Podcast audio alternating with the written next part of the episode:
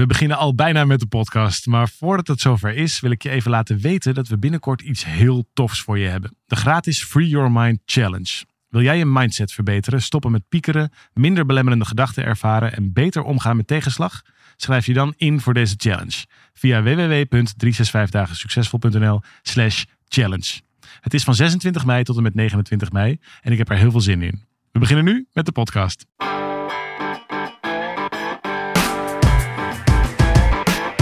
Van harte welkom bij deze podcast van 365 dagen succesvol. Wij zijn David en Arjan en we delen in deze podcast de eye-openers die cruciaal zijn voor een gelukkiger leven.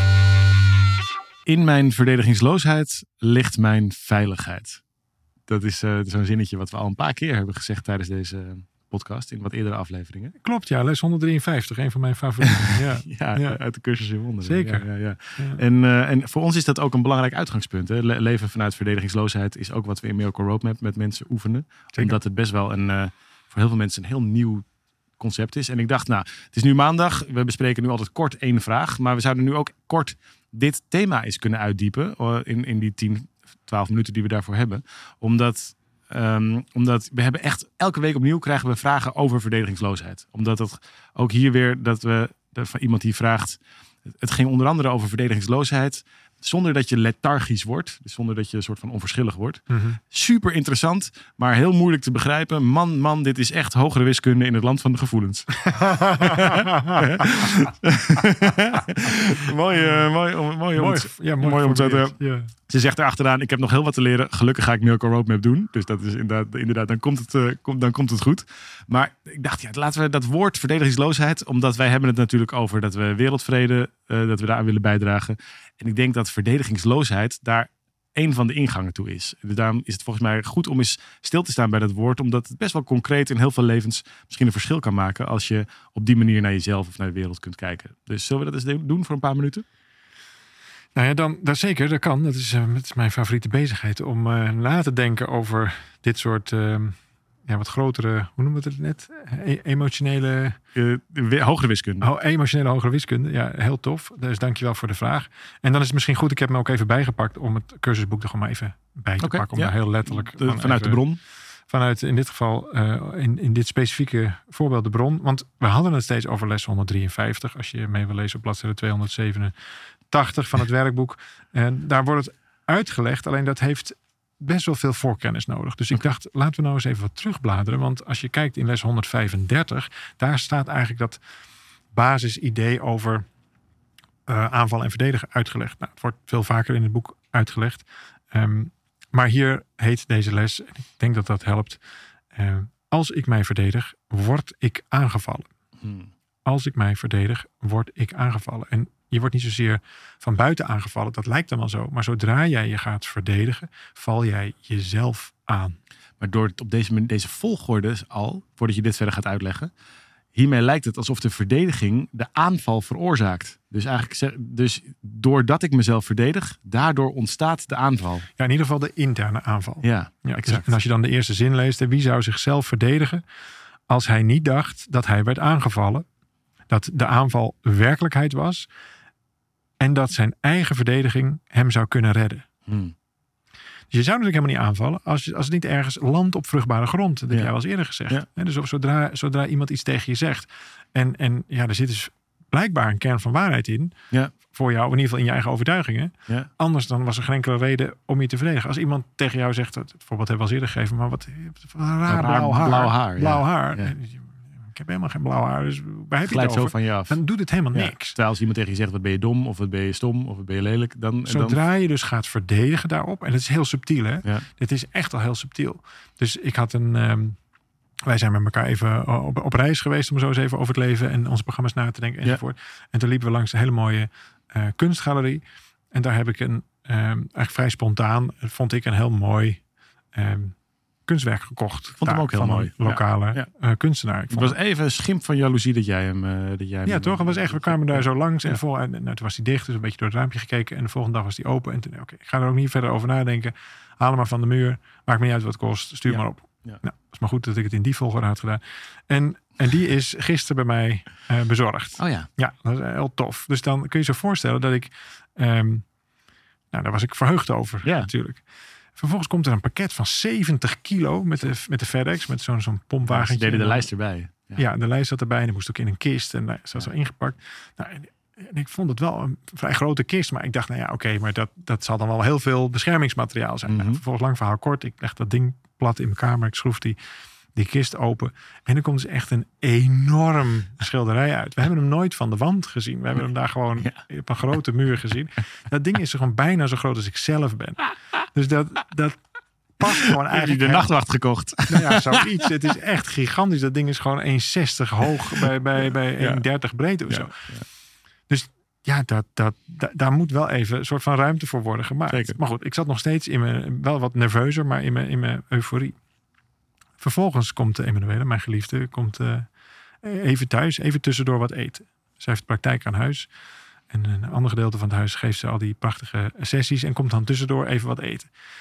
Ik ben natuurlijk nog steeds in mijn, in mijn enthousiasme. Ja. Je kunt het plaatje een beetje voor je zien. Wat, ging wat gebeurde Nou, er? zij komt boven en ik zeg, ja, kom heel even, heel eventjes. Even, laat even zien wat ik, wat ik heb gekocht.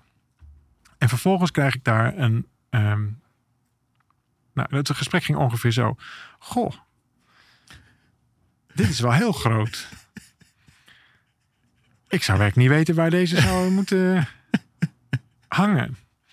Oh, zijn nek is wel erg lang. Jullie gaan toch verhuizen met kantoor? nou, ik moet nu naar mijn volgende sessie. We hebben het er vanavond even over daar. Ja.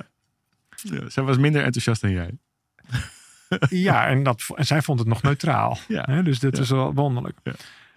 In zo'n situatie lukt het mij niet om meteen verdedigingsloos te zijn. Nee.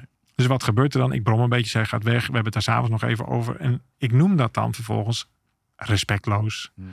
Ik noem dat ehm, ontactvol. Ja.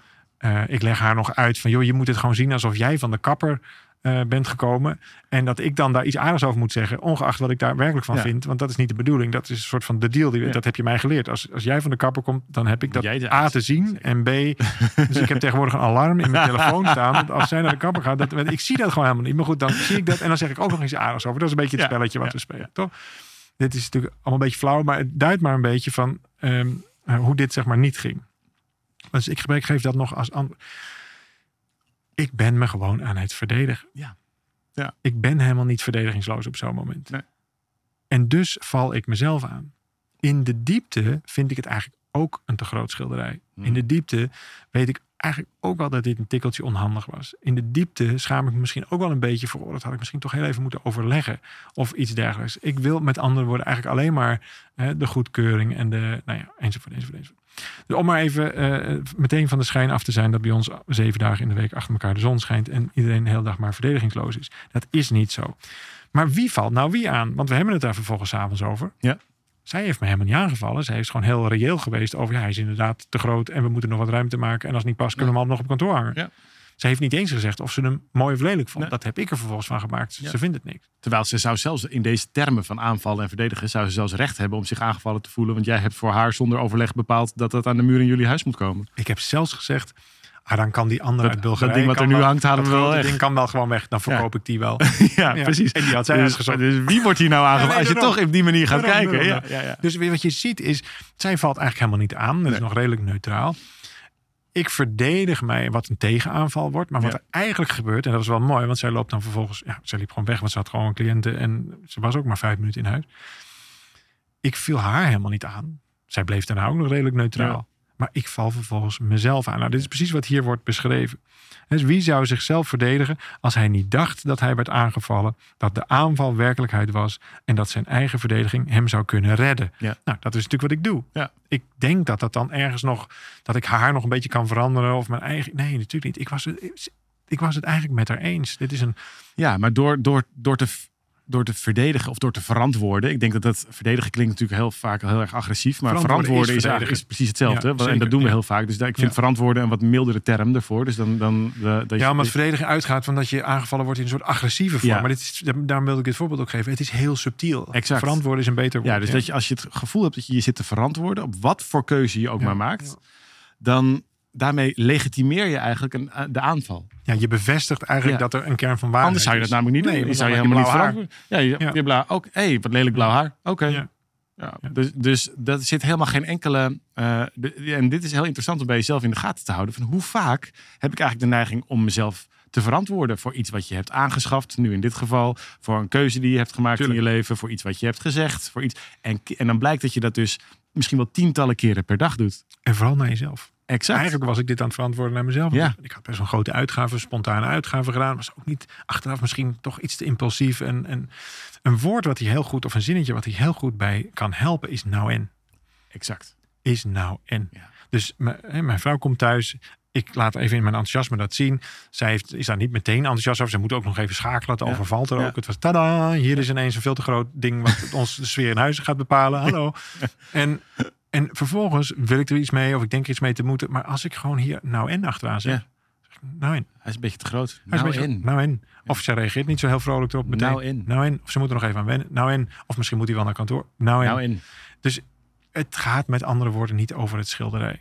Nou, Als je op een niveau dieper komt, en dat vind ik wel, wel aardig. En dus verdedigingsloosheid is niet, ik, ik, eh, ik heb, ik, à la pokerface. Ja. Eh, Ik mag geen emoties meer hebben, laat alles door me heen gaan. Dat is helemaal niet Nee, zo. of ik vind niks meer belangrijk en al- alles, Nee. niks doet ertoe. Het is de herinnering aan dat ik me helemaal niet hoef te verdedigen. Ja. Dus wanneer gaat het namelijk relevant worden? Op het moment dat je het doet. Ja. Dus wanneer was dit voor mij weer relevant? Les 135 en 153. Toen ik het aan het doen was. Ja. Dus het is ook niet zo, ach lul, dan had ik toch, zie je, dan was ik weer vergeten om in de verdedigingsloos. Waarom lukt het me nou niet? Nee, Ja, ook dan weer. Dan doe je weer precies dan hetzelfde. doe je precies hetzelfde. Ja. Het is, oh ja, er bestaat zoiets als verdedigingsloos. ja, maar dit gaat heel ver. Hè? Want elke keer als je van jezelf denkt, hey, ik voel me nu even rot. Ja, dan kun je dat ook, mag niet. Nee, dan, dan, de meeste van ons denken dan, oh, daar moet ik vanaf. Want ik mag me eigenlijk niet rot voelen. Ja. En wat ga je dan doen? Dan ga je allerlei redenen bedenken om je rot te Ja, of je voelen. gaat aan de drugs. Of je gaat het proberen te onderdrukken. Ja, Ja. dat kan ook. Eh, Door, door de drugs of de drank of te hard te werken of te gokken of te porno of wat dan ook. Terwijl als je bij jezelf ehm, kunt voelen, hey, ik zit even niet zo lekker in mijn vel. Nou en? Nou en, daar is hij Dus, weer. dan, dan ga je Nou ook en. namelijk tegen jezelf, dan ga je ook niet meer de neiging hebben om dat dan maar te verantwoorden. Want moet je elke keer dat je bij jezelf zegt, ik zit niet zo lekker in mijn vel.